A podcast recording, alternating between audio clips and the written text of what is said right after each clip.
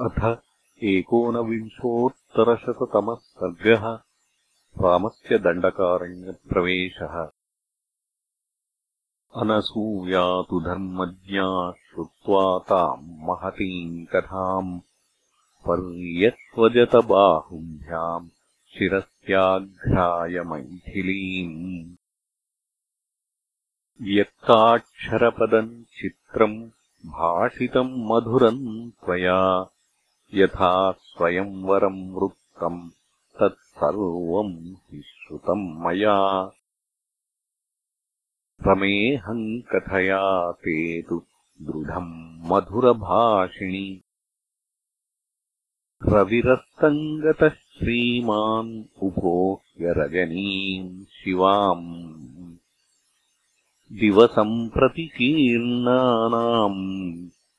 आहारात् पतत्रिणाम्। सन्ध्याकाले निलीनानाम्। निद्रार्थम् श्रूयते ध्वनिः। एते चाप्यभिषेकार्द्रा मुनयः कलशोद्यताः।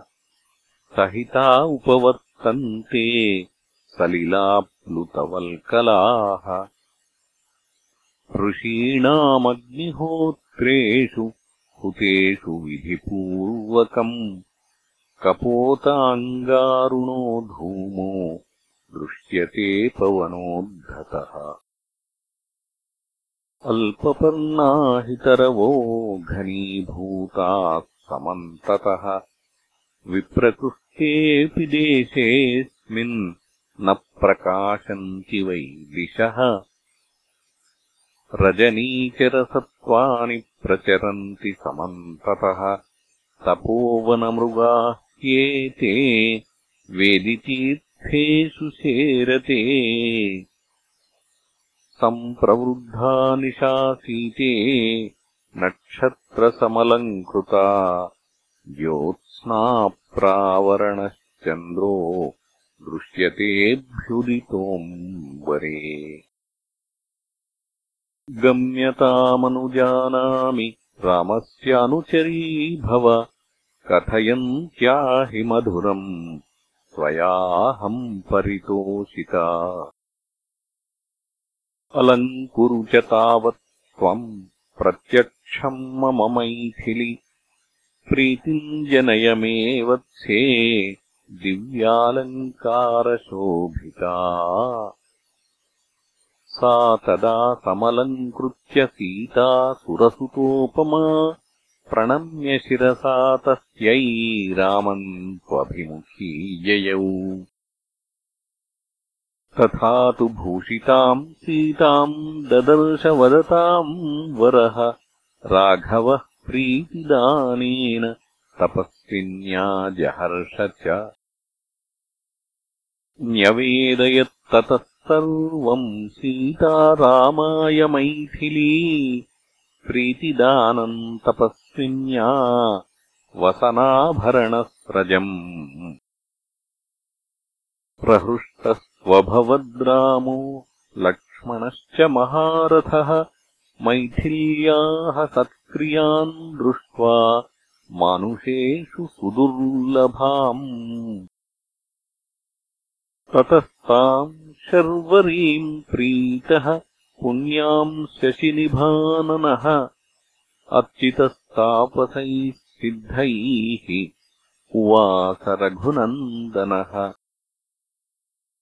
तस्याम् रात्र्याम् व्यतीतायाम् अभिषिच्य हुताग्निकान् आपृच्छेतान्नरव्याघ्रौ तापसान् वनगोचरान्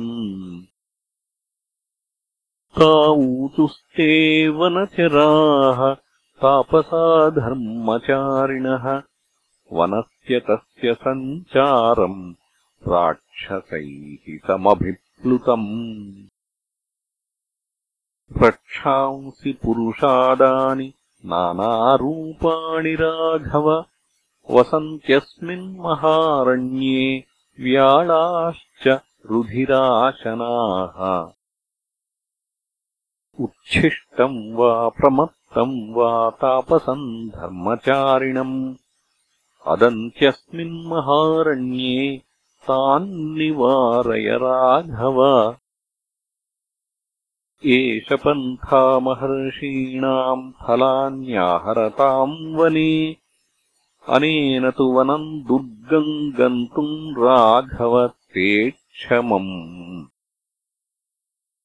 इतीव तैः प्राञ्जलिभिस्तपस्विभिः द्विजैः कृतस्वस्त्ययनः परन्तपः वनम् सभार्यः प्रविवेश राघवः सलक्ष्मणः सूर्यमिवाभ्रमण्डलम्।